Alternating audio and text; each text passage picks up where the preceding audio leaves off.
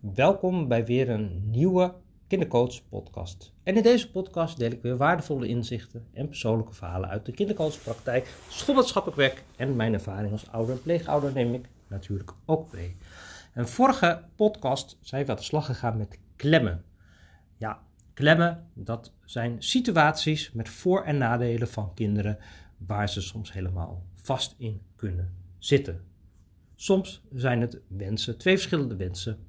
Vandaag heb ik ook weer gesproken met een kindje wat eigenlijk helemaal klem zat tussen, ja, aan de ene kant beeldschermen of schermen, uh, mooie computerspelletjes spelen, Minecraft, Fortnite en zo. Uh, tegelijkertijd ook heel graag willen buiten spelen en echt zo'n ja, zo'n jongen die gewoon echt gewoon lekker geniet van avontuurlijke dingen, buiten spelen, vriendjes, freerunnen, nou ja, noem maar op zo, weet je, dat. En ja, natuurlijk heel lastig als je zo helemaal klem zit tussen die twee dingen. En vandaag ben ik ook met hem aan de slag gegaan om die twee verschillende kanten helemaal zo in beeld te brengen. En hij vond het ook heel naar en heel moeilijk om met die twee verschillende kanten om te gaan. En dat is natuurlijk ook lastig, want die schermen die zijn er ook helemaal op gericht om je er helemaal naartoe te trekken. Dus dat is in ieder geval één mee aan de slag zijn gegaan. En we zijn eigenlijk ook gewoon de voor- en de nadelen van de verschillende kanten ook gewoon helemaal gaan uitwerken. En dat heeft heel veel inzicht opgeleverd en heel veel zelfbewustzijn. En dat heeft nog niet uh, gezorgd dat hij uit de klem is. Denk ik zo. Ja, je weet het eigenlijk nooit, hè, want soms uh, na één sessie zie je soms kinderen echt mega snelle stappen zetten. Uh, ik ben heel benieuwd of die er helemaal volledig ook uit is gekomen al na een sessie. Dat zou natuurlijk fantastisch zijn. Maar dat gaan we natuurlijk volgende keer uh, zien. Maar wat ook kan, is dat soms als ouders hebben wij dat natuurlijk ook. Zitten we ook wel eens in de klem.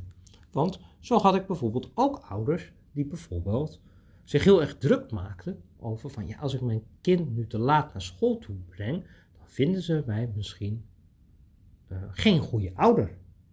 En deze ouder die wou eigenlijk een voorbeeldige ouder graag zijn. En ja, daarbij hoort dan ook dat je op tijd komt en dat dat allemaal zo soepel allemaal loopt. En, nou ja. en we weten natuurlijk eigenlijk allemaal ook wel dat ja, af en toe loopt het zoals het loopt met kinderen. En ja, dan ben je dan ook te laat.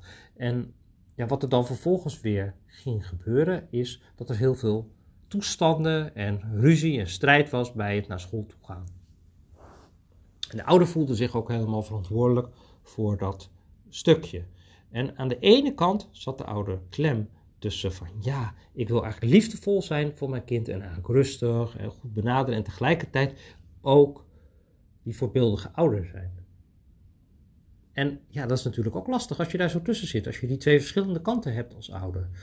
En wat natuurlijk ook kan, is uh, dat je ook klem kan zitten tussen verschillende ideeën en overtuigingen.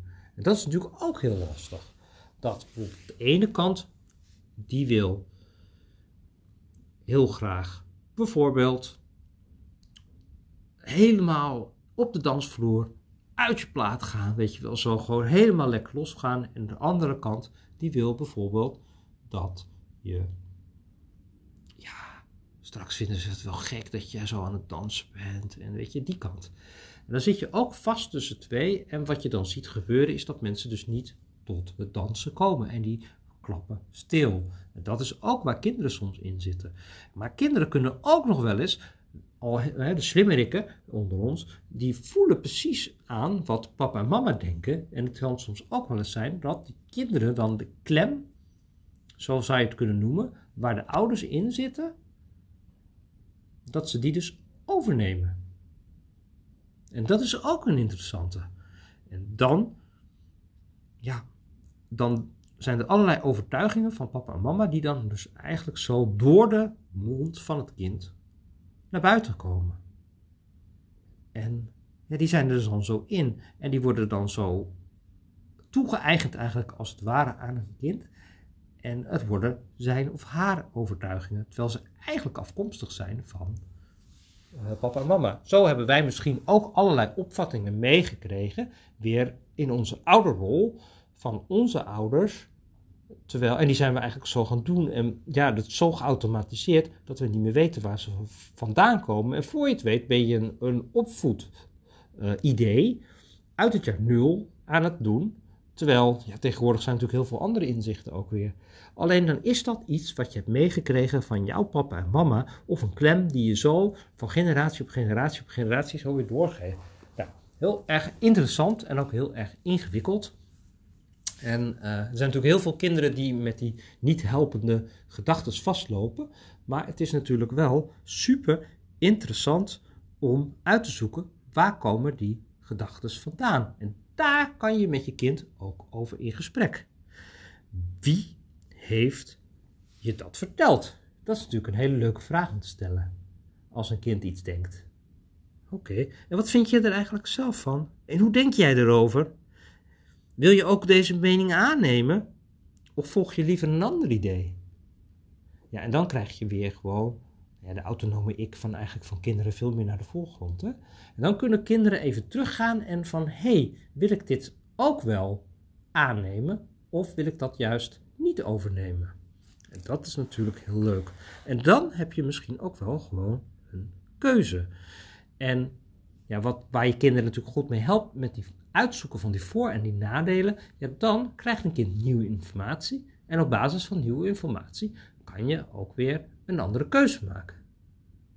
En zo help je kinderen uit die klemmen die er zo om ons heen zijn. En dat kan je natuurlijk ook zelf doen. Als je denkt van nou, ik heb ook wel een klem, omdat ik eigenlijk iets van de opvoeding vind, wat ik eigenlijk doe van thuis uit. En dat ik denk van ja, het werkt eigenlijk ook niet.